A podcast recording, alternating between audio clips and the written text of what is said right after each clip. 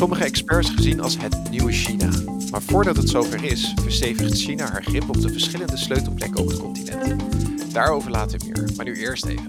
De Democratische Republiek Congo. Het land heeft een bloedig verleden, maar sommigen schrijven het land een gouden toekomst toe. Op het oog staat Congo-Kinshasa model voor het continent Afrika, aangezien veel van de problemen en kansen die het land rijk is, veel voorkomend zijn in heel Afrika. Maar is dat wel zo?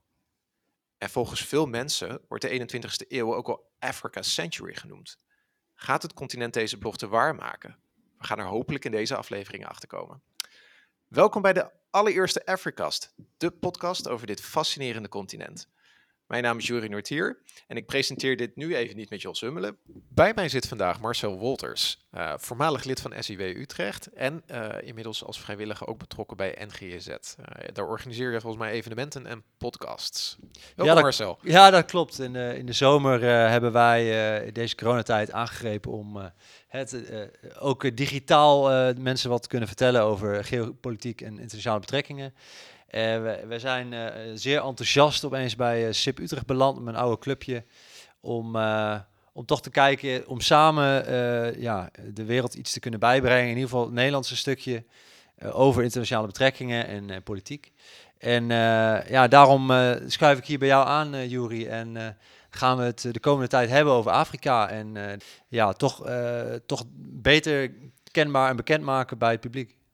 Veel belangrijker is alleen deze keer mijn gast. En dat is Frank Gerits. Welkom Frank. Hallo. Ja, ik ben, ik ben inderdaad belangrijker. Ja. Ja. Uh, hallo. Frank, jij bent universitair docent ja. aan de Universiteit Utrecht. En Zeker. jouw expertise ligt ook in dit onderwerp. Kan je ja. iets meer vertellen over hoe je hier bent gekomen en wat jouw fascinatie is voor dit uh, continent? Ja, dus ik, ik uh, onderzoek specifiek de Afrikaanse internationale geschiedenis na 1945. Um, specifiek kijk ik naar hoe Afrikaanse diplomaten eigenlijk het internationaal systeem uh, mee hebben vormgegeven. Hè? Dus hoe postkoloniale ideeën eigenlijk um, ja, heel invloedrijk geweest zijn in de bouw van dat internationale systeem na de Tweede Wereldoorlog. Wat een beetje een, een, um, een omkering is van wat courant gedacht wordt. Hè. Heel veel nadruk op de Koude Oorlog, veel nadruk op de opkomst van de Verenigde Staten. In mijn eigen onderzoek uh, leg ik veel meer nadruk op uh, het decoloniseringsproces en hoe dat eigenlijk mee het internationale systeem heeft vormgegeven. Uh, ja, mijn interesse, waar komt die vandaan? dat is de vraag, toch? Hè?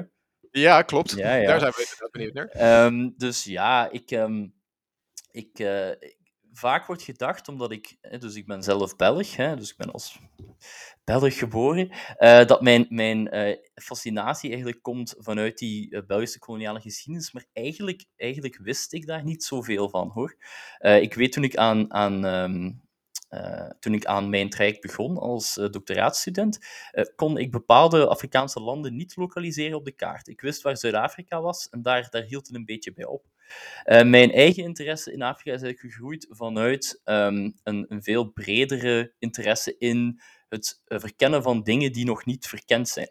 Ik heb, ik heb nogal een obsessie met um, heel nieuwe dingen doen waar eigenlijk niemand mee bezig is.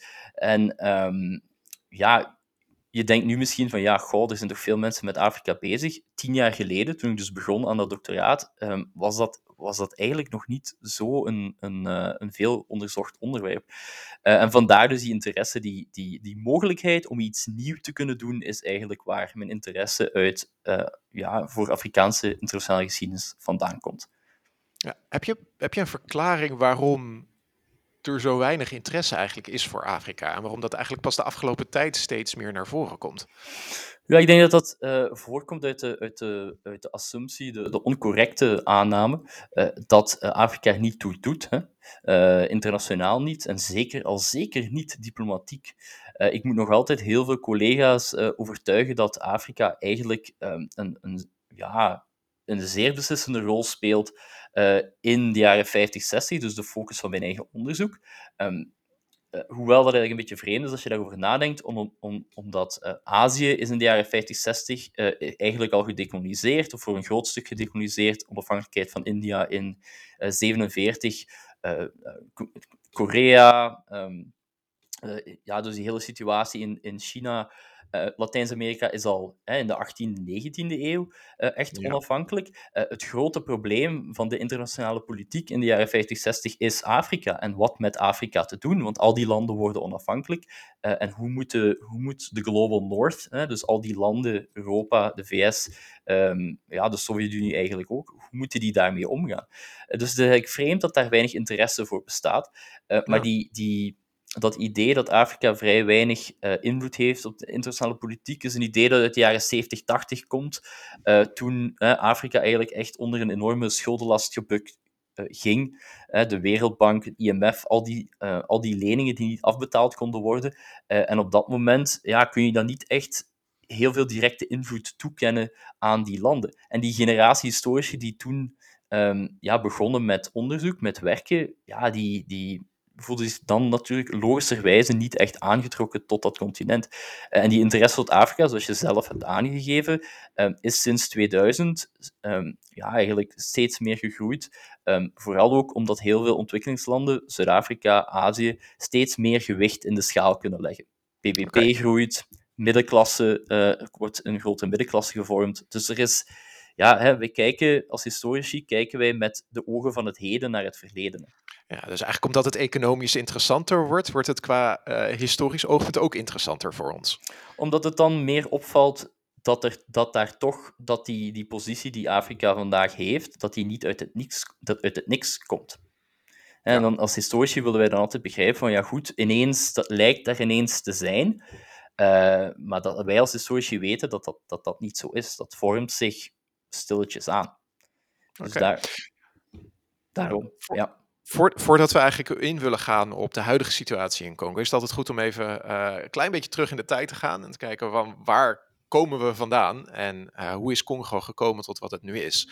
Um, het gebied dat nu Congo heet, uh, het is natuurlijk niet zo dat de geschiedenis pas begon op het moment dat wij als Europeanen daar voet op de bodem zetten.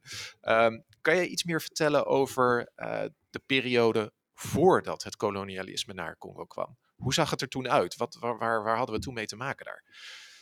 Um, ja, ik ben, ik ben geen specialist uh, pre-koloniale geschiedenis, maar, uh, maar uiteraard, hè, het, het, het Congo-koninkrijk is een soort van, um, ja, een soort van, is een koninkrijk van bijna mythische proporties. Dus, dus voor die koloniale, um, in die pre-koloniale periode, hè, we spreken hier de periode circa 1400 tot 1800, um, is Afrika, dus dat, dat enorme continent, eigenlijk opgedeeld in verschillende koninkrijken. Um, het koninkrijk Ghana heeft, heeft een heel belangrijke um, uh, positie. Uh, het koninkrijk Congo heeft een belangrijke positie. Uh, en en die, die kleine koning, of kleine koninkrijken, dat zijn grote, grote gebieden. Um, ja. maar, maar politiek gezien zijn die wat, vers, zijn die wat meer verspreid. Dus dat zijn, zijn geen echt heel um, grote blokken. Maar die, die koninkrijken die halen veel van hun macht uit het feit dat er enorme uh, handelsroutes door het continent uh, gaan. Uh, en en veel van die landen hebben zich dan altijd, of veel van die koninkrijken specialiseren zich op één specifiek, of, of zijn specialist op één specifiek ding dat ze dan verhandelen. En die handelsroutes geven veel van die, van die koninkrijken erg veel macht en invloed, erg veel rijkdom. En het is als, die, als, um, als de Europeanen dan eigenlijk voet aan wal zetten, dus de Portugezen komen eigenlijk het eerst aan in Congo. Er is heel veel aandacht voor de Belgen, maar eigenlijk um, is de Portugese exploratie uh, komt die veel vroeger. Um, ja.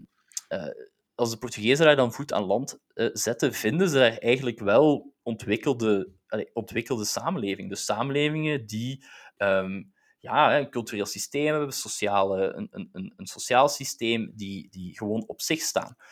dus dat hele idee dat, dat dat uh, Europeanen daar uh, een soort van leegte zouden hebben aangetroffen, dat is, dat is koloniale mythe. Oké, okay, dus het was niet zo dat er alleen maar stammen waren die totaal geen samenhang hadden. Uh, er was echt al een, een, een samenleving. Dat is kol koloniale verbeelding. Hè? Dus het, het, het, woord, het woord stam alleen al um, uh, ja, haakt eigenlijk aan niks, niks vast. Hè? Dat zijn georganiseerde samenlevingen die ja, die op, een bepaalde manier hun, hun politieke, culturele en economische verhoudingen organiseren. Uh, en de, en uh, de aankomst van Europeanen op dat continent, dus eerst de Portugezen en dan later ja, de Belgen als Leopold II uh, een, um, Stanley, hè, dus een, een, een verkenner, stuurt om dat gebied dan zogezegd in kaart te brengen. Ehm, die aankomst van die Europeanen, dat is, een, dat is een, ja, aanvankelijk een, een kleine schok voor die samenlevingen, maar ja, steeds sneller in de loop op, op een aantal decennia wordt dat, wordt, um, is die aankomst van Europeanen enorm grote invloed. Uh, waarom? Ja, omdat die Europeanen vrij veel um, economische mogelijkheden met zich meebrengen. Het biedt een mogelijkheid van Europeanen om uh, dat biedt een mogelijkheid voor, voor veel van die Afrikaanse koninkrijken uh, om te gaan handelen. En daar, ja, daar maken, daar maken die, die verschillende, zoals in alle samenlevingen, zijn daar ook politieke, is er ook een politieke machtsstrijd. En het feit dat de Europeanen daar aankomen, introduceert een nieuwe factor in, in die politieke machtsstrijd. En sommigen handelen met de Europeanen, anderen niet. En dat, dat geeft iedereen ja, binnen die samenlevingen verschillende hoeveelheden macht en invloed. Dus daar verschuift in die vroege periode heel veel. Zeker omdat het vrij lang duurt voordat Europeanen echt diep het binnenland binnen kunnen. Omwille van ziektes en, en onwetendheid gewoon. Oké, oké. want hoe verliep dat kolonisatieproces uh, vanaf het moment dat dat België eigenlijk daar interesse in nam. En, en, waarom was België zo geïnteresseerd in Congo? Ja, dan, uh, dan moeten we natuurlijk altijd verwijzen naar, uh, naar, naar onze tweede vorst, hè, Leopold, Leopold II. Um, ehm, hij, um, ja, er zijn heel veel, uh, er is heel veel geschreven over Leopold II. Uh, de consensus momenteel is dat, dat Leopold II gewoon heel graag heel veel macht wilde.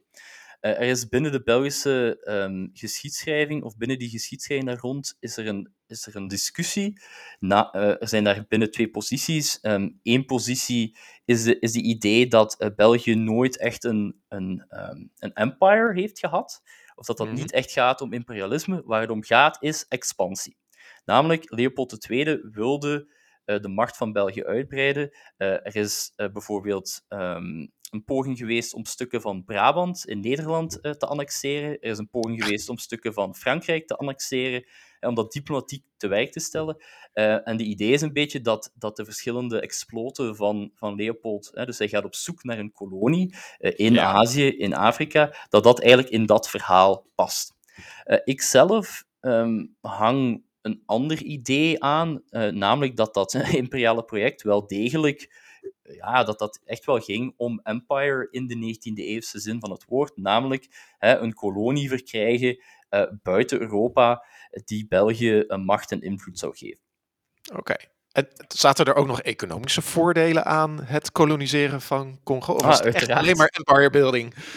Nee, ja, uiteraard. Ik bedoel, uiteraard. Uh, uh, Leopolds uh, politieke ambitie is nauw verweven met het feit dat, daar, um, dat hij denkt dat daar economisch veel te halen valt. Hè, dus op de conferentie van Berlijn 1885 um, ehm, slaagt Leopold erin om Congo eigenlijk te, te verkrijgen als zijn eigen privébezit. Um, maar die eerste tien jaar, twintig jaar van die Congo-vrijstaat, is dat een enorm verlieslatende onderneming. Hè? Uh, Leopold II zal uh, op verschillende momenten aan de Belgische staat uh, vragen om een lening te krijgen om zijn project drijvende te houden. dat hele, die hele zaak verandert enkel en alleen bij de ontdekking van rubber. Dus rubber in de rubberbomen in Congo, omdat eh, Europa door een industriële revolutie gaat en enorm veel nood heeft aan rubber voor allerlei industriële toepassingen. En ook omdat de, de, eh, de chemie nog niet in staat is om op dat moment rubber te, te imiteren. Eh, dan, dan wordt dat echt ook, dan wordt die economische droom die Leopold heeft ook wel waarheid.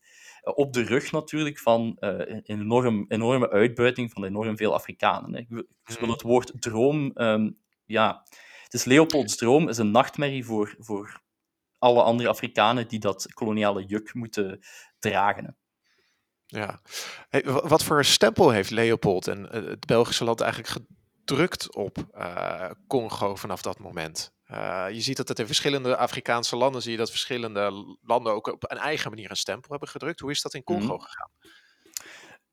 Ik begrijp je vraag niet goed. Bedoel je, bedoel je de, de specifieke, ehm, wat, wat specifiek is aan, het, aan dat koloniseringsproject? Ja, Als je ja, dat vergelijkt ja. met andere, andere projecten? Ja, dus um, welke, welke rol heeft België gehad in dit dekolonisatie, of in het kolonisatieproces daar? Uh, ja, dat is een Ehm, dat is een goede vraag. Ehm, dus, het, dus zoals ik al eerder gezegd heb, hè, en dit is vrij algemene kennis, aanvankelijk is, tot 1908 is Congo het privébezit van, van Leopold II. Hè. er worden daar wat um, humanitaire associaties opgericht, als een soort van manier om, die, om, die, om dat persoonlijke bezit dan wat toe te dekken. Maar in de feiten, en, en ook ja, staatsrechtelijk gezien, spreekt men echt over een soort van... Eigenlijk is Congo een bedrijf dat gerund wordt door Leopold II. Dat is eigenlijk de situatie okay. Eh, van Congo voor 1908. Ehm, en de, en ehm, eh, de, het koloniseringsproject op dat moment is extreem gewelddadig, eh, gericht op extractie van grondstoffen ten koste van de inheemse bevolking. en het, het lokale bestuur wordt ook opgedragen om ehm, ja, misstappen onmiddellijk te bestraffen. Hè, het beruchte afhakken van handen, um, uh, de, de zweepslagen met, de, met dan de beruchte uh, chicote, dus een, een, ehm, een, een zweep die echt gemaakt is van uh, olifantenhuid of nijlpaardhuid, zodat het ex, extra diep in de huid van Afrikanen, die dan ge, ge, geslagen worden, daar dan extra diep op inhakt. Dus het is echt, echt exploitatie. Eh, na, 1900, na, na 1908, dus als, als Leopold II uh, eh, verplicht wordt om uh, Congo over te dragen aan de Belgische staat, en de Belgische staat in zekere zin ook verplicht wordt om die, om, om die, om die kolonie over te nemen, omdat er internationaal heel veel druk is, um, drijft dat Belgische koloniseringsproject op missionering. Uh, op het inzetten van katholieke missionarissen. En dat is wel vrij uniek, dat Belgische project. Uh, omdat veel andere koloniale projecten niet, niet noodzakelijk zo georganiseerd zijn. Hè? Dus het Britse, Britse koloniale rijk, Kenia, India, is eigenlijk gebaseerd op een systeem van informal rule. Uh, lokale, um, lokale krijgsheren worden in het systeem uh, binnengewerkt, krijgen een positie van macht en zo wordt dat bestuurd. Frankrijk doet ongeveer hetzelfde, maar gebruikt veel meer de Franse cultuur, um, waar dan lokale uh, lokale Afrikaanse politici eigenlijk uh, ja, een vorm van invloed krijgen of inspraak krijgen in de manier waarop het Rijk gerund wordt. Heel complex systeem. Uh, België is eigenlijk veel meer te vergelijken met een land als Portugal. Uh, mm -hmm. Drijft op uh, missionering, katholieke missioneringsdrang en in, echt individuele missionarissen. Ja, de Belgische staat stuurt koloniale ambtenaren, uh, maar die, die missionering is echt, uh, dat, dat beschavingsproject dat constant naar voren gehaald wordt, is, wordt voortdurend benadrukt. En dat is echt wel uniek aan het, aan het Belgische project. Oké. Ja, Marcel, hoi. Ja, ik uh, even de vraag om, omtrent ja, hoe, hoe er vanuit Europa en vanuit Nederland, buurlanden, gereageerd is, zeg maar, in die, in die tijd dat deze, zeg maar, kolonisatieprocessen plaatsvonden. Hoe, hoe, is daar zeg maar, in omringende Europese landen op gereageerd? Is daar ook een soort van uh, beeld van te schetsen? Uh, hebben we het over de periode voor, voor 1908? Ja, precies. Dus, ja. Uh, dus, dus echt, het, echt het... met, met, zeg maar, met ons eigen land, Nederland. En, en, en, want daar gebeurden toch zaken waarin mogelijk Nederland ook in de betrekkingen een en ander van vond. Ja. Uh, hoe, hoe, is, ja, hoe is die wisselwerking tussen Nederland en België toe geweest? Is dat iets te schetsen? Of? Uh, ja, daar, daar bestaat heel weinig onderzoek naar. Uh, ik ben daar, ben daar nu toevallig zelf mee bezig. Um, dus de documenten die ik die, um, in het Nationaal Archief in Nederland ter beschikking zijn, um, en ik heb er niet zoveel kunnen zien omwille van COVID, hè, waar we in, iets waar we allemaal mee worstelen natuurlijk. Uh, maar die documenten die geven aan dat, dat Nederland um, geïnteresseerd is in wat Leopold doet, uh, maar tegelijkertijd um, die Leopoldaanse uh, onderneming, net zoals de Britten trouwens, echt ziet als een enorm, enorme concurrentie. zij zijn daar, ja, die, die koloniale landen die, die begrijpen natuurlijk wel dat ze elkaar niet te veel voor de voeten moeten lopen. Um, ja, omwille van allerlei, uh, allerlei redenen. Hè. Dus je wilt niet dat je eigen project in discrediet gebracht wordt. Je wilt, niet, uh, je wilt geen uh, nieuwe oorlog beginnen. Um, maar tegelijkertijd ja, is daar toch ook wat vrevel. Um, dus er worden dit, is, dit is echt gewoon recht uit het archief. Hè. Dus er, wordt, ehm, er zijn Nederlandse ambtenaren die in Brussel wel hun beklag maken over het feit dat Leopold toch wel heel veel um, rijkdom lijkt te onttrekken uit Afrika en eigenlijk geen handel toelaat van de Nederlanders. En wat zegt de Belgische staat dan? Ah ja, daar hebben wij niks mee te maken, want dat is een privéonderneming. Hè, dus het is, een, is, een, heel interessante wisselwerking uh, voor, voordat België die, die staat overneemt. Hè? Omdat we in essentie zitten met een vorst die aan internationale politiek doet, maar niet in een officiële capaciteit. Is dat, is dat hele, uh, ja, dat zien als uh, ja, het zuiver handel, handel gerelateerd denken richting mm. Afrika, wat, wat, dat, uh, dat, dat, dat het wordt gezien als een onderneming, wat je zegt, hè? Is dat iets wat, wat alle Europese landen gemeen hadden? Of zijn er ook duidelijke onderscheiden te zien in die betrekkingen?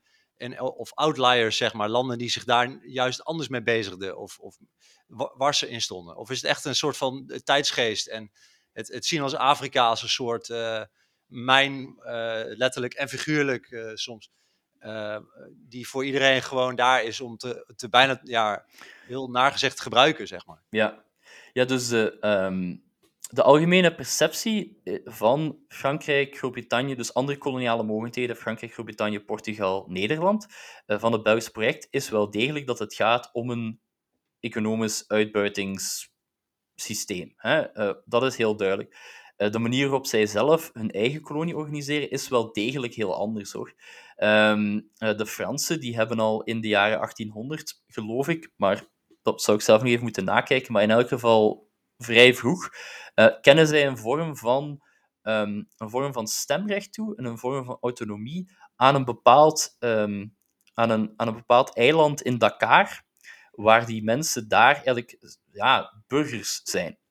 Uh, in de praktijk is, loopt dat natuurlijk allemaal niet zo, uh, loopt men niet zo hard van stapel daarmee, maar daar wordt staatsrechtelijk gezien, de Fransen zijn heel erg bezig met dat, um, met dat koloniaal bestuur in uh, wetten te gieten en dat, dat die relatie met de metropool, dus die relatie tussen Parijs en Dakar, hè, en Senegal, een van de kolonies van Frankrijk, met die relatie heel duidelijk uit te werken. Wie welke positie heeft, en er wordt veel meer politiek samengewerkt.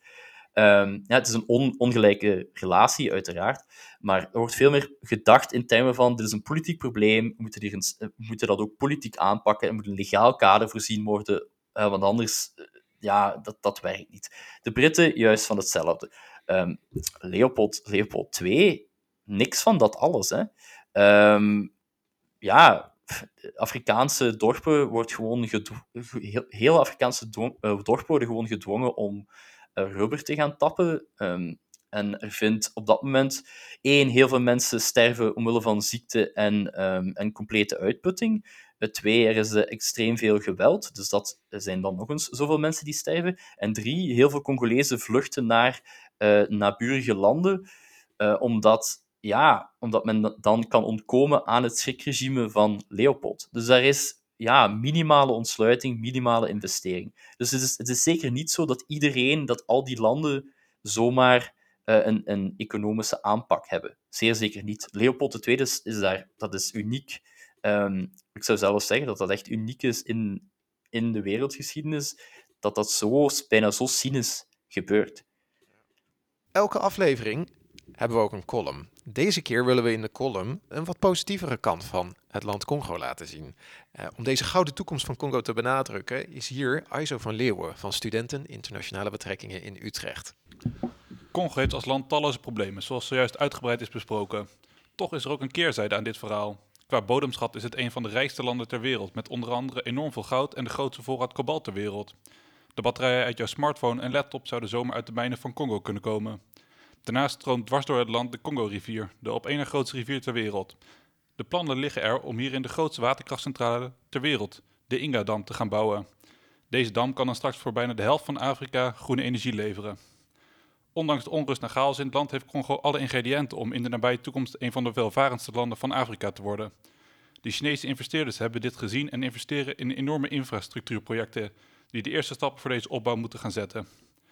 Toch gaat deze enorme potentie vaak nog voorbij aan het oog van de westerse wereld, waardoor deze zomaar de boot kan missen. Na Zuidoost-Azië is Afrika het volgende continent waarvan een economische explosie wordt verwacht. En er zijn het China en Congo die Europa en Amerika het nakijken laten. Na de Tweede Wereldoorlog zien we dat eigenlijk steeds meer Afrikaanse landen onafhankelijk worden. Dat gaat op een gegeven moment heel snel. Ehm, hoe is dat proces in Congo eigenlijk verlopen? Ah, eh, zeer rommelig, hè?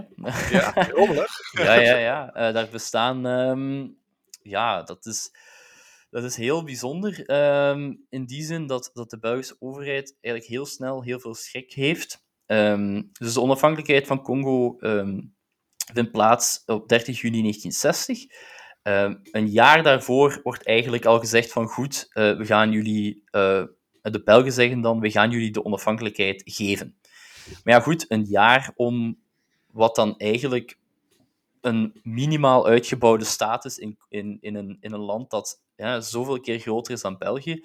ehm, Om die transitie dan te maken naar volledige onafhankelijkheid, eh, is, is een korte periode. Hè. We spreken op dat moment trouwens niet alleen meer over Congo, maar ook nog eens over eh, Rwanda, Urundi. hè, wat dan uiteen zal vallen in Rwanda en Burundi. Eh, dat zijn mandaatgebieden die België na de Eerste Wereldoorlog krijgt. Eh, en die landen worden ook onafhankelijk. Hè. We spreken heel vaak over Congo, eh, maar dat Belgische wereldrijk was nog wel iets, werd nog wel wat groter in de jaren 30. Ehm, dus die, die overgang die is heel, heel moeilijk. Ehm, specifiek zijn daar, zijn daar twee dingen die belangrijk zijn. Eén is eh, de ronde tafelconferentie. Dus in 1959 worden Afrikaanse politici, Congolese politici, uitgenodigd, uitgenodigd naar Brussel om die onafhankelijkheid te bespreken. Er is een economisch en politiek luik. In het politieke luik eh, wordt een soort van parlement opgericht. Dat, dat gaat vrij goed. Ehm, maar in dat economische luik wordt eigenlijk heel duidelijk gezegd: alle multinationals die in Congo aanwezig zijn, hè, eigenlijk Belgische bedrijven die, die in Congo aanwezig zijn, kunnen kiezen onder welk handelsrecht ze vallen. Ofwel onder het Belgische handelsrecht, ofwel onder het Congolese handelsrecht. Ja, je kunt raden wat die bedrijven kiezen. Hè. Dus in, Ja. in de feiten blijven die bedrijven heel nauw verbonden met België. Ehm, eh, dus zo wordt, zo wordt die staat opgezet. Als iets dat politiek onafhankelijk is, maar economisch nog altijd heel erg afhankelijk van, van de Belgen. Ja. Dus als dat dan de startpositie is, dan weet je al waar je uitkomt. Tweede element is dan natuurlijk die eh, onafhankelijkheid in eh, 1960 eh, en de onafhankelijkheidsviering die, die heel eh, tumultueus verloopt, omdat eh, koning Boudewijn, dus de, op dat moment de Belgische vorst, gaat naar Congo eh, en eh, ja, dankt eigenlijk de Congolezen, of zegt eigenlijk tegen de Congolezen dat zij zeer dankbaar moeten zijn, ehm, zeer dankbaar moeten zijn voor de Belgen en de beschaving die zij gebracht hebben. Hij gebruikt letterlijk het woord beschaving. Iets waarvan de, de premier Eiskens ehm, eh, in een speech eigenlijk al correcties aanbrengt en zegt van ja, eh, zo expliciet moeten we dat niet zeggen. Hè. Eh, Ah, hij- dus hij- er was al wat gevoeligheid. ja, ja, die Eiskens, dus de premier, had wel, was, was iets meer politiek onderlegd, had door dat dat niet, dat dat niet goed zou vallen. Hè. Eh, wat hij eigenlijk specifiek doet is, eh, Boudewijn spreekt in een eerste draft over eh, Leopold II als bevrijder. En hij past dat aan naar Leopold, Eiskens past dat aan naar Leopold II als beschaver. Ehm, omdat dat dan, zogezegd, al wat beter zou zijn. Ehm, ja, laat zich raden dat dat niet zo is. Lumumba, dus Patrice Lumumba, de eerste onafhankelijk verkozen premier, eh, stapt dan naar het podium, eh, eh, geeft een zeer vlammende speech over het Belgische racisme, de, de, ja, de situatie van apartheid die eigenlijk bestaat. En Boudewijn is, is enorm kwaad. ehm, eh, wilt ook opstaan en vertrekken. En Eiskens, de premier, zal hem tegenhouden. Zal Patrice Lumumba, en dat wordt dan vaak vergeten, zal Patri- Patrice Lumumba ook dwingen om een speech te schrijven. Eh, waarin hij zegt van ja, ehm, waarin hij de Belgen wel dankt voor de beschaving. Die wordt dan voorgelezen tijdens de lunch. En het is Eiskens die die speech schrijft voor Lumumba. Voor, En Eiskens zal voor daar het staatshoofd van een onafhankelijk land Ja. eigenlijk. ja, en Eiskes, Eiskes, Eiskes zal daar achteraf over zeggen dat hij eigenlijk de neger was van Lumumba. Omdat hij dan in dienst zat van Lumumba. Dus dat, hè, dat platte racisme dat in de jaren 60 nog allemaal rondvliegt, dat zit daar natuurlijk ook allemaal in. En maar dat wordt vaak vergeten. Hè. Dus er wordt, er wordt heel vaak de nadruk gelegd op Lumumba's zeer vlammende speech, en terecht. Um, achteraf trekt, hij toch, trekt Lumumba toch zijn staart in, uh, omdat hij natuurlijk ook wel begrijpt dat die relatie met België, hè, hij kent de overeenkomst van de economische rondetafelconferentie ook, hij begrijpt ook dat die relatie met België, dat die toch amicaal zal moeten blijven, op zijn minst, om dan toch recht te blijven staan als land. Ja, dan is Congo op een gegeven moment onafhankelijk. Uh, hoe gaat het dan met het land? Ja, uh, niet goed, hè? uh, wat, wat, gaat er niet goed? Wat gaat er allemaal niet goed eigenlijk? Ja, eh, de, de, de Belgen hebben... hebben um, ik vind dat altijd een beetje... Er wordt vaak gezegd van ja, de Belgen hebben de Congolezen niet goed voorbereid op de onafhankelijkheid. Uh, ik vind dat op zich een beetje een, een paternalistische uitspraak. Dus ik denk niet, ik denk niet dat je sowieso dat dat, uh, dat, dat dat op zich het probleem is. Hè. Wat het probleem van Congo op dat moment was, en in zekere zin vandaag nog altijd is, is dat dat land enorm groot is en eigenlijk geen infrastructuur heeft om, om die enorme grootte om dat te, om dat te bemeesteren. Er zijn andere landen in de wereld waar exact hetzelfde probleem bestaat. Hè. Eh, Afghanistan dat het is altijd hetzelfde verhaal. Als er een nieuw regime geïnstalleerd wordt, uh, dan heeft dat invloed in Kabul en al de rest, daar is eigenlijk geen invloed. Hè? Uh, dus er zijn heel veel andere landen waar dat ook gebeurt. En in Congo is dat eigenlijk dezelfde situatie. Uh, ja, na de onafhankelijkheid krijg je de eerste coup van, um, van Mobutu. je krijgt een tweede coup van Mobutu en uiteindelijk wordt Mobutu dan um, ja, staatshoofd. Um, en, en in de jaren 70, 80 zal hij eigenlijk de, de koffers van de Congolese staat leegroven. Dat is eigenlijk het verhaal uh, voor de, alle jaren daarna. Kort gezegd, ja.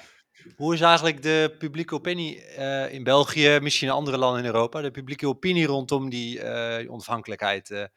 wat, wat, wat, wordt daarvan gevonden bij het publiek? Um, dus in, in 1960 zelf? Ja, die tijd, ja. Ja.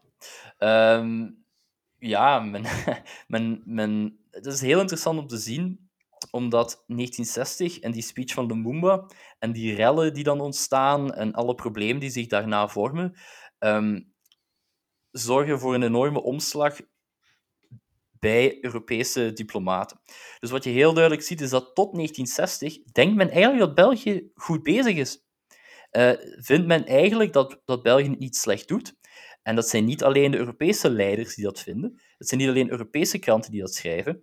Uh, de Belgische ambassadeur heeft in 1959 nog een gesprek met uh, Gamal Abdel Nasser, hè, de leider van Egypte, de beroemde ja. pan-Arabische antikoloniale um, uh, held, icoon van, van die vrijheidsstrijd, zegt aan de ambassadeur: Ja, ik heb een film gezien over Leopoldville, het huidige Kinshasa, en ik, ik ben toch wel enorm onder de indruk. Daar staan uh, wolkenkrabbers. Uh, dat, is, um, ja, dat is een enorme mooie stad. jullie doen dat daar eigenlijk toch wel erg goed.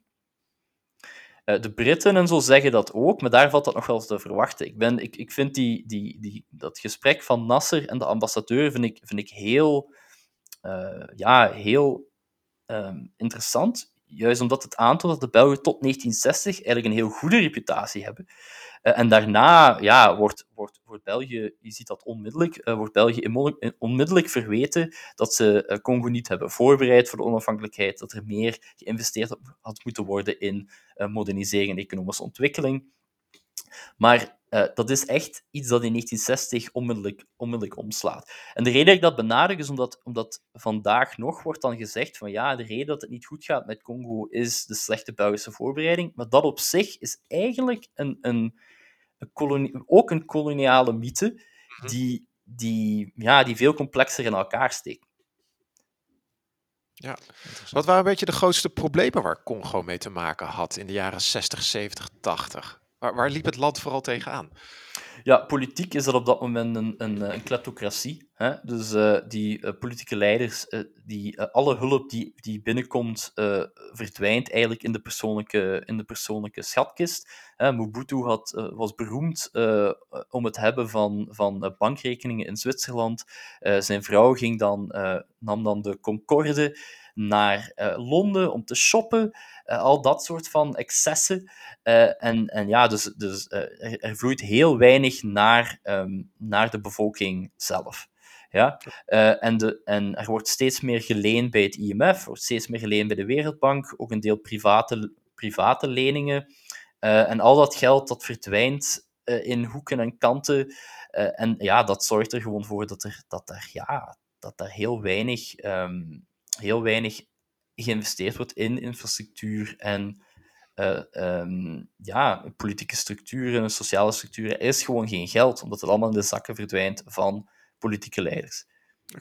Is dat ook een belangrijke reden waarom, waarom uh, er op een gegeven moment zoveel conflict is opgetreden in Congo? Uh, we kennen het natuurlijk van burgeroorlogen, zeker in het, in het oosten van het land. Heeft dat hiermee te maken of zaten daar ook andere redenen achter? Ja, dus, dus uh, dat, hangt daar, dat hangt er natuurlijk nauw mee samen, omdat als er geen goed functionerende staat is, dan, dan kun je ook problemen die eigenlijk inherent zijn aan de, aan de, aan de structuur van Congo niet oplossen. Hè? Um, dus, de, dus de verschillende um, burgeroorlogen, dus eigenlijk is er zoiets als de Afrikaanse Wereldoorlog, die sinds 2000 uh, uh, aan de gang is. Men heeft dat, dan, dat heeft dan tien jaar geduurd. Het draait eigenlijk vooral om, uh, om de verschillende ertsen die in de bodem zitten en de, de landen daar rond, vooral dan Rwanda, um, Rwanda, waar Kagame eigenlijk heel lang een, um, ja, eigenlijk soldaten en, en milities Congo instuurt om dan uh, de boel eigenlijk te destabiliseren en, en, en ertsen mee naar buiten te dragen. Um, dus die, die, die rijkdom, die, uh, die bodemschatten zijn een heel belangrijke factor. Andere factor is natuurlijk dat, dat Congo een uh, multi, multi-etnisch, multilinguïstiek, um, enorm veel bevolkingsgroepen heeft die allemaal um, zichzelf, die zelf wel ja, die niet, zich niet altijd even verbonden voelen met het centrale gezag. De, de grote verdienste van Lumumba, hè, uh, want vaak wordt hij dan, wordt hij dan weggezet als een, soort van, uh, als een held, maar tegelijkertijd ook als een soort van mislukt politicus. Maar de grote verdienste van Lumumba is dat hij, dat hij erin slaagt. Zijn platform in 1960 of 1959 is één Congo. Hè. Is, is ja. Congo is, hij is een unitarist. Hè. Hij wil Congo als één staat onafhankelijk maken en gelooft ook in dat Congolese project. En hij slaagt daar eigenlijk ook kort wel in. Uh, want anders, anders was hij nooit verkozen geraakt. Hè. Uh, maar die, die etnische verschillen en zo, die, die, ja, die, geven, die, geven die, die geven die Congolese staat specifieke problemen. Is, is dat, die, zijn die etnische verschillen in Congo uh, echt expliciet anders dan in, in, in de, de buurlanden qua complexiteit, zeg maar, en qua afstand tot de regering, zeg maar? het is moeilijk om, natuurlijk omdat het veel verschillende landen betreft. Maar uh, zie je daarin echt een verschil tussen Congo en bepaalde andere landen in die regio? Uh, ja en nee. Um, Congo is gewoon zoveel keer groter. Dus je gaat gewoon... één probleem dat je hebt, is je gaat altijd 10, 20 keer groter zijn dan in een ander land.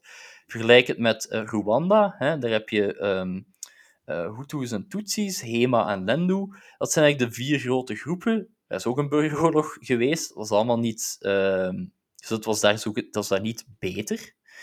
Uh, maar uh, daar is nu wel een sterke, autoritaire uh, politieke structuur die ervoor zorgt dat er meer rust is. De vraag is natuurlijk of dat, of dat zoveel beter is. Hè? Ik bedoel, je hebt minder conflict, maar politiek gezien... Um, dus nee, Congo is etnisch divers, zoals heel veel andere Afrikaanse landen. De politieke structuren zijn gewoon niet in staat om daar iets productief mee te doen ja, ja. Misschien even kort wat meer over de huidige situatie en, uh, en hoe het nu gaat in, in Congo. Um, allereerst, ik was benieuwd, hoe is die relatie tussen België en Congo op dit moment? Um, dat is een heel goede vraag, want die, is, die relatie is uh, recent, nog, uh, namelijk gisteren, nog, oh. nog ja, veranderd. In die zin dat wij, of wij, hè, dus dat de Belgische staat, het huidige staatshoofd, uh, Tshisekedi, um, wel min of meer gelegitimeerd heeft door die verkiezingen te herkennen. De man is op de koffie geweest in Brussel, uh, een keer bij de koning langs geweest. Um, en, en België heeft dan gezegd van ja goed, dan gaan we maar met deze persoon in zee. Um, dus, dus twee jaar geleden, voor wie het, dan nog, wie het zich nog herinnert, ongeveer twee jaar geleden, ehm, de voormalige president uh, Kabila, dus Kabila junior, um, is dan uiteindelijk uh, afgetreden en Tshisekedi had ook ja, dus, um, uh, had in die verkiezingen gewonnen. Ik geloof het wel, ik weet het, ik weet het niet meer zeker. Er is uiteindelijk een soort van... Hij was, hij was in elk geval een van de tegenkandidaten die ook veel stemmen had. En uiteindelijk is er dan een, een power broker uh, relatie gekomen tussen Kabila, die eigenlijk gezegd heeft van ja goed, als jij mij met rust laat uh, met mijn geld en, en de, de machtsrelaties die ik heb opgebouwd, dan mag jij premier zijn. Um, en dan ga ik mij terugtrekken op een van mijn, van mijn, in een van mijn villa's en dan is het geregeld. Uh, gisteren heeft Tshisekedi, een, een, er erin geslaagd om een nieuwe parlementaire meerderheid achter zich te krijgen. Er is ook een beetje gevochten in het parlement, dat hoort er dan natuurlijk bij. En um, nu is Tshisekedi eigenlijk de, de machtsfiguur. Human Rights Watch is er wel zeer expliciet over dat dat niks veranderd heeft aan de uh, deplorabele mensenrechten situatie okay. in het land. Uh, journalisten worden nog altijd opgepakt, demonstranten worden nog altijd uit elkaar geslagen. Um, dus dat, ja, dat is eigenlijk, en de relatie die België dan nu heeft met Tshisekedi is, is één waar, die we eigenlijk al hadden zien aankomen van, van 2019. We hebben onze, de Belgische staat heeft haar hoop geënt op, op een nieuwe op een nieuwe leider. Um, ja, dat, dat pakt dan nu weer eigenlijk slecht uit. Uh, op zich is dat een voortzetting van de geschiedenis hoor. Oké. Je noemde net ook al dat er in de jaren 70 en 80 uh, veel ontwikkelingshulp in uh, de zakken van de leiders is verdwenen. Hoe, is die, hoe, hoe, gaat dat er nu aan toe? Want ik neem aan dat Congo nog steeds veel ontwikkelingshulp krijgt. Mm -hmm. Wordt dat nu beter besteed of is die situatie nog steeds hetzelfde? Um, je hebt een grote nieuwe speler, waar je zelf ook al op gealludeerd hebt, namelijk China. Ja. En um, die aanwezigheid van, van Chinese ontwikkelingshulp um, heeft de situatie wel een beetje veranderd. Omdat China, China geeft niet echt geld, of geeft soms wel geld, dus cash, uh, maar heel vaak worden daar gewoon uh, Chinese arbeiders gedropt eh, die dan de werken uitvoeren, die dan een nieuwe, een nieuwe weg leggen of een nieuw gebouw bouwen eh, en, dan, eh, en dan vertrekken. Ja, nemen ook al hun eten zelf mee, hè, want God verbiedt dat Chinezen iets anders zouden eten dan hun eigen... Zijn, Chinezen zijn zeer specifiek op hun eigen, op hun eigen keuken. Ja. Terecht ook. Hè. Ik, bedoel, China, ik, bedoel, ik, ik, heb kort in, in Shanghai ben ik visiting fellow geweest. Het eten is daar ook uh, ja, excellent. Uh, dus het gevolg daarvan is natuurlijk wel dat als daar een weg ligt, ligt daar een weg. Hè? Um, terwijl veel westerse ag agentschappen, ontwikkelingshulp, ja, is dan cash of is dan NGO's die dan gaan helpen. Um, maar ja, veel geld verdwijnt dan toch nog langs hoeken en kanten. Uh, terwijl China infrastructuur bouwt en dan vertrekt. Het is een iets complexere relatie. Um, ja. Maar Afrikanen zelf uh, zijn daar dubbel over. Ze zijn enerzijds tevreden dat het geld niet vertrekt, maar anderzijds, ik heb in, in, uh, in Kenia gebeurt hetzelfde. En als je daar praat met mensen, zeggen ze van ja, allemaal goed en wel, maar wij zelf willen eigenlijk ook te werk gesteld worden. En die Chinezen nemen gewoon hun eigen mensen mee. dat kan eigenlijk niet. dus die, dat is een heel interessante nieuwe situatie die zich aan het ontwikkelen is, waardoor ik je vraag niet helemaal kan beantwoorden. Nee. zou, zou, ik, zou ik tussendoor eventjes kunnen, tenminste, de, de, gedachte die bij mij door mijn hoofd gaat is van, het klinkt bijna een beetje een herhaling van wat je aan het begin zei, hè? De, de onderneming, uh, het land zien of de omgeving, de regio zien als onderneming. Um, in hoeverre zou je bijna kunnen zeggen dat China eigenlijk nu een soort 2.0 versie doet van wat, wat toen gebeurde? Uh, meer op economisch vlak uiteraard, hè? zonder de, de, de, de, de menselijke aspecten eraan. Maar zie je dat weer terugkeren in die zin? Um, ja, China, is daar, China heeft een heel specifiek systeem uh, van ontwikkelingshulp geven. Um, het ding is, voordat ik dat zeg, ik denk niet, ik denk niet dat dat zo is. Ja, dus ik denk niet dat China um, uh, Afrika ziet als een bedrijf. Daar zijn heel veel historische redenen voor. maar ook, ehm, dat, is die, dat idee van Congo als een soort van, van bedrijf dat dan maar winst moet maken, is echt iets verbonden met de Leopoldiaanse periode. Hè. Eh, vanaf 1908 Um, uh, natuurlijk zijn Afrikanen politieke actoren. Natuurlijk um, uh, hebben Belgen door dat, dat, dat daar mensen... anders zouden ze Lumumba en andere politieke leiders niet uitnodigen op de rondetafelconferentie. Hè. natuurlijk hebben zij door dat, dat dat ook gaat om politiek en economie. en de, de Chinezen hebben dat zeker door dat dat zo is. Hè. Okay. er wordt heel veel heel veel nadruk gelegd op, um, op die ontwikkelingshulp, en terecht. Uh, maar er zou eigenlijk ook wat meer gekeken mogen worden naar, um, wat meer gekeken mogen worden naar uh, bepaalde leningen die worden gegeven, waarvan de Chinezen eigenlijk hopen dat Afrikaanse landen ze niet kunnen terugbetalen. en dat betekent dan eigenlijk dat zij min of meer um, ja, eigenaar worden van die ja. weg waardoor zij politiek, eh, van die weg als ze die bouwen, hè, dus als zij een weg ja. bouwen, um, waardoor zij politiek eigenlijk zeer veel druk kunnen leggen in de toekomst op veel van die Afrikaanse regimes. Um, daar wordt vaak overheen, overheen gekeken. Dat dat eigenlijk okay. echt een, een, bewuste strategie is van, van de Chinese overheid, die er eigenlijk op rekent um, dat die Afrikaanse landen hun, hun, uh, hun rekeningen niet gaan kunnen betalen. Speelt daarbij ook nog mee dat, dat Congo, uh, zeker het oosten van Congo, is zeer rijk in grondstoffen. Dat noemde je net ook al. Speelt dat daar ook nog een rol bij?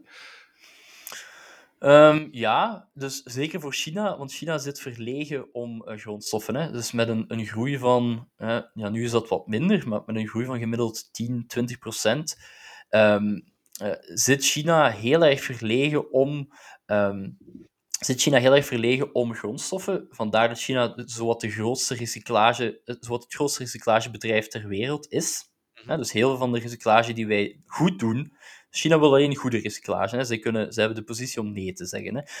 Uh, maar heel veel van, van de dingen die zij recycleren, um, ook binnen China, willen zij graag gebruiken om in die economische boom die zij ervaren, in, om die te investeren. En uh, die ertsen die zijn uh, enorm belangrijk. Um, vaak wordt dan gezegd van ja, hè, bouw van telefoons en dat soort zaken. Maar in China is het vooral batterijen voor, um, batterijen voor auto's en scooters. Omdat China die, over, die overstap naar elektrische auto's heel goed gemaakt heeft en heel erg verlegen zit om uh, al, die, al die materialen, die, die, heel die specifieke metalen die nodig zijn om batterijen voor auto's te maken. Dus zeker die, uh, die, um, die grondstoffen in Oost-Congo die blijven belangrijk en die worden eigenlijk alleen maar belangrijk hoe groener de economie gaat worden. Dat is ook een soort van vreemde paradox. Hè? Dus hoe, hoe meer elektrische auto's gaan rondrijden in Europa, uh, hoe meer ertsen er eigenlijk uit de grond gaan gehaald worden in Oost-Congo. Dat is een hele gekke situatie bijna. Ja, het is, het is, uh, het is, het is, het is daarom ook dat, dat juist die positie van Afrika begrijpen in het internationale systeem zo belangrijk is. Uh, omdat, omdat bepaalde dingen die wij uh, voor de, vinden dat het voor de hand ligt, dat dat, um, ja, dat dat vaak in een ander daglicht wordt geplaatst. Op dit moment, uh, of zeker in de afgelopen jaren, is, zijn er nodige conflicten geweest in Congo, met name in het oosten van Congo. Mm. Er is ook een vredesmissie aan de gang op dit moment. Wat is daar de status van op dit moment? ja, problematisch. aanvankelijk aanvankelijk zag de lokale bevolking die, um, die vredesmissie graag komen. Uh, maar nu is daar toch wel, uh, nu, sinds, sinds een jaar of twee, is daar toch wel vrij veel vrevel over. Um, waarom? ja, twee, twee dingen. Eén, die vredesmissie bestaat in hoofdzaak uit Afrikaanse troepen. dat is een bewuste, een bewuste shift die men gemaakt heeft binnen de VN om een VN uh, troepen, of, of uh, ja, vredes, vredesmissies, om die um, te bevolken met uh, soldaten die uit de regio komen. Um, en de Afrikaanse, Unie, de Afrikaanse Unie is daar ook heel actief in geweest om dat dan, om dat dan op te zetten. Hè? Dus um, dat, is, dat is belangrijk. Het, het nadeel daaraan is evenwel dat, dat, ja, dat je er altijd voor moet zorgen dat uh, dat je niet soldaten van uh, landen in die missie zet, um, uh, van landen die zelf een aandeel hebben in het conflict. Hè. Of ja, oh, landen die... onpartijdige soldaten zijn. Ja, ja, dus, ja, dus landen die eigenlijk een aandeel hebben in, of een belang hebben in het, het, uh, ja, in, in het verval van, van Congo, zo gezegd, of in een onstabiel Congo. Hè? En daar is dan wel wat, vaak wat, um, men is, die lokale bevolking is daar wel wat um, beduust over, of wat, um, hoe moet ik dat zeggen? ze vertrouwen dat zaakje niet helemaal. Ja? Hmm. Ja. Dus dat is één element. Het andere element is dat die, dat die vredestroepen aanvankelijk vrij in, inefficiënt waren.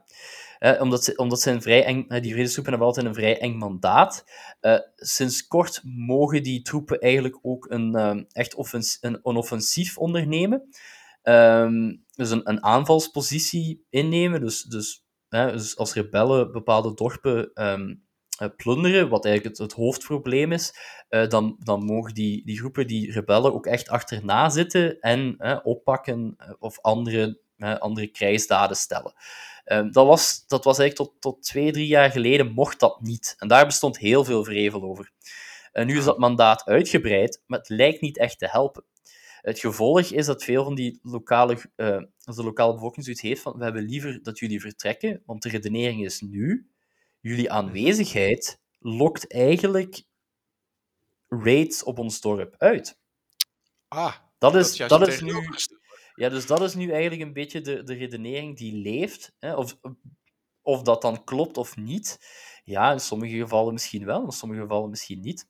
En, maar dat is eigenlijk de, de huidige perceptie van veel van die vredestroepen. Um, uh, ja, in, in, die, in die regio van Oost-Congo. Die okay. instabiel is omwille van de, de, de bodemrijkdommen die daar uh, aanwezig zijn en uh, omwille van de, ja, de verschillende spanningen die daar dan lokaal ook nog politiek leven.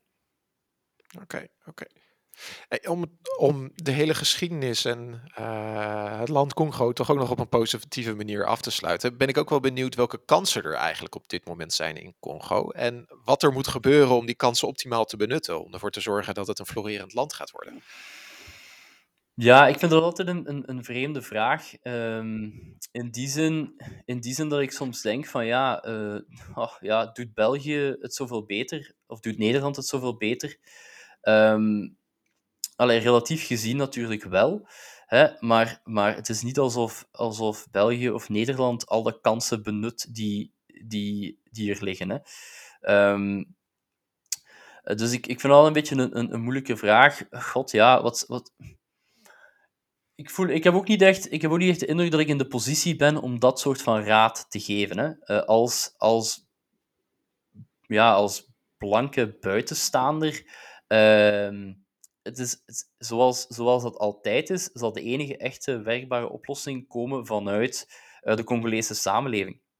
Uh, en het, is, het, is een, het is binnen die samenleving dat vooral de katholieke kerk uh, eigenlijk altijd een, een, een, um, een belangrijke rol gespeeld heeft in het organiseren van um, verzet tegen, tegen de, de heersende politieke klasse. Dat was bij de vorige verkiezingen niet anders. Um, en ja, natuurlijk, die katholieke kerken die heel sterk staan in Congo, ja, juist omwille van dat Belgische koloniale project, wat we eerder besproken hebben, uh, die kunnen... Um, ja, dus uh, je mag geen... Dus politieke, politieke samenscholing, dus politieke bijeenkomsten, daar wordt altijd een beetje um, meewarig naar gekeken natuurlijk. Maar ja, is een mis, uh, is dat een politieke samenkomst? Misschien ja. niet, misschien wel.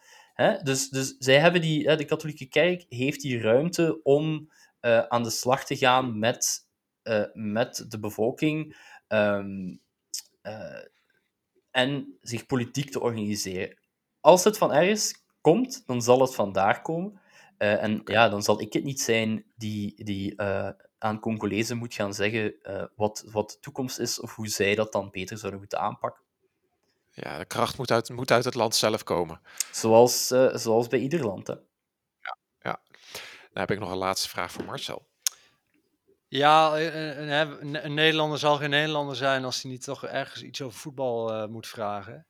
Uh, mm -hmm. en, en nou is het, uh, zou ik bijna als Nederlander zeggen, helaas zodat de Belgen het tot voor kort eigenlijk beter deden dan de Nederlanders.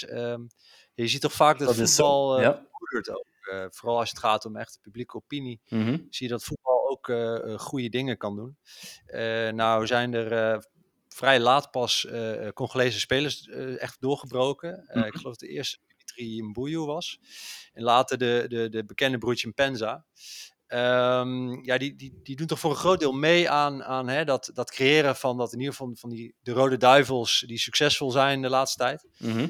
Wat, dat zeg maar met, uh, met het beeld van de Congolezen uh, in deze tijd? vrij weinig. en dat, dat het, het feit. Dus eigenlijk is de, de perceptie niet, in tegenstelling tot, tot de Fransen, hè, dus tot, tot Le Bleu, hè, dus de Franse ploeg, waar al vergelijkingen getrokken zijn met eigenlijk te zeggen van ja, dat is eigenlijk gewoon... Toen, toen de Senegalezen en de, de andere Afrikaanse ploegen eigenlijk vertrokken op het WK, werd eigenlijk nog gelachen met het feit dat er eigenlijk nog altijd een Afrikaanse ploeg op het veld stond, en dat waren de Fransen. Ja? dus die perceptie dat het eigenlijk om een Afrikaanse ploeg gaat, die leeft in België eigenlijk niet. Uh, helemaal zijn, niet. Ja, nee, helemaal niet. Daar zijn, daar zijn een aantal redenen voor. Eén, um, uh, er is al genoeg verdeeldheid binnen België zelf. Mm. dus, dus men zegt dan eerder van ja, de persoon komt uit Brussel, de persoon komt uit Anderlecht, de persoon komt uit Charleroi. Ehm, eerder dan dat men zegt van ja, de persoon heeft Rwandese roots, dat, dat doet er eigenlijk niet toe. dus dat is al, dat is al één twee, uh, die, die Belgische, die Rode Duivels, die staan eigenlijk los van het Belgische project. Um, die, worden niet zozeer opgehouden als een soort van nationalistisch symbool. het, is, het is zowat het, het enige dat een Belg ertoe aanzet om een vlag uit te hangen uit het raam. Maar tegelijkertijd, um, tegelijkertijd verbindt men daar niet een soort van Belgisch nationalisme aan de ploeg. De ploeg staat los van het Belgisch nationalisme. En ik herinner me heel goed bij, bij het, het, laatste WK. Uh, Nederlanders hebben het daar heel moeilijk mee met dat te begrijpen. Dat, dat er zoiets is als een sportploeg en dat iedereen daarachter kan staan en dat dat volledig losstaat van, van België of, van ieder nationalistisch, iedere zweem van nationalisme. Um, Nederlanders hebben daar heel moeilijk mee. Ik herinner me het laatste WK, men had um, Jan Mulder in de studio die zien wij dan graag komen. vroeger was het dan graag Jan Boskamp, nu zien we graag Jan Mulder komen. Uh, vinden we wel leuk, zo'n Nederlander aan tafel. Uh, en uh, was het dan na de wedstrijd tegen Japan dat de man in een soort van euforie zei van ja, en België heeft nog een toekomst. En je ziet dat al die Vlaamse nationalisten die eigenlijk wel ongelijk ongelijk hebben. En de, de persoon van het programma echt zo in, in een blik van pure paniek. Uh, ja, nee, nee, uh, zo kijken we hier niet naar. En, en dat is gewoon sport en, en, en laat maar zitten. Uh, dus, dus zeker, um, dus je ziet als, als, als die verbinding al niet gemaakt wordt, wordt de verbinding met Afrika zeker niet gemaakt. Um, Oké. Okay. Dus, dus er, zit, er zitten daar inderdaad wel veel jongens in met, met Afrikaanse roots, ook Belgisch-Afrikaanse roots. Uh, maar die connectie met Afrika die wordt, wordt nooit echt expliciet gemaakt. Uh, en dat is, dat is een van de dingen die, waar ik zelf in mijn eigen onderzoek nu ook meer naar probeer te kijken. Uh, hoe die koloniale herinnering in België, um, hoe die toch heel erg verschillend is van een, een, een, um, een herinneringscultuur die in Nederland leeft, bijvoorbeeld. Waar hè, veel explicietere debatten zijn over slavernij en over uh, Zwarte Piet. In België eigenlijk niet. En dat is vreemd. En dat vraagt om, om onderzoek en meer begrip. Frank Gerits, hartelijk bedankt voor, uh, voor je bijdrage en voor alle interessante informatie. Stel onze luisteraars willen meer informatie over jou of willen weten waar je mee bezig bent. Waar kunnen ze jou volgen? Uh, ja, ik zit, op, ik zit op Twitter, dus dat is gewoon even mijn, mijn naam uh, intikken. Ik zit daar nu dankzij COVID vrij veel op, moet ik zeggen. Uh, ik hoop daar wat minder op, op te zitten in de toekomst.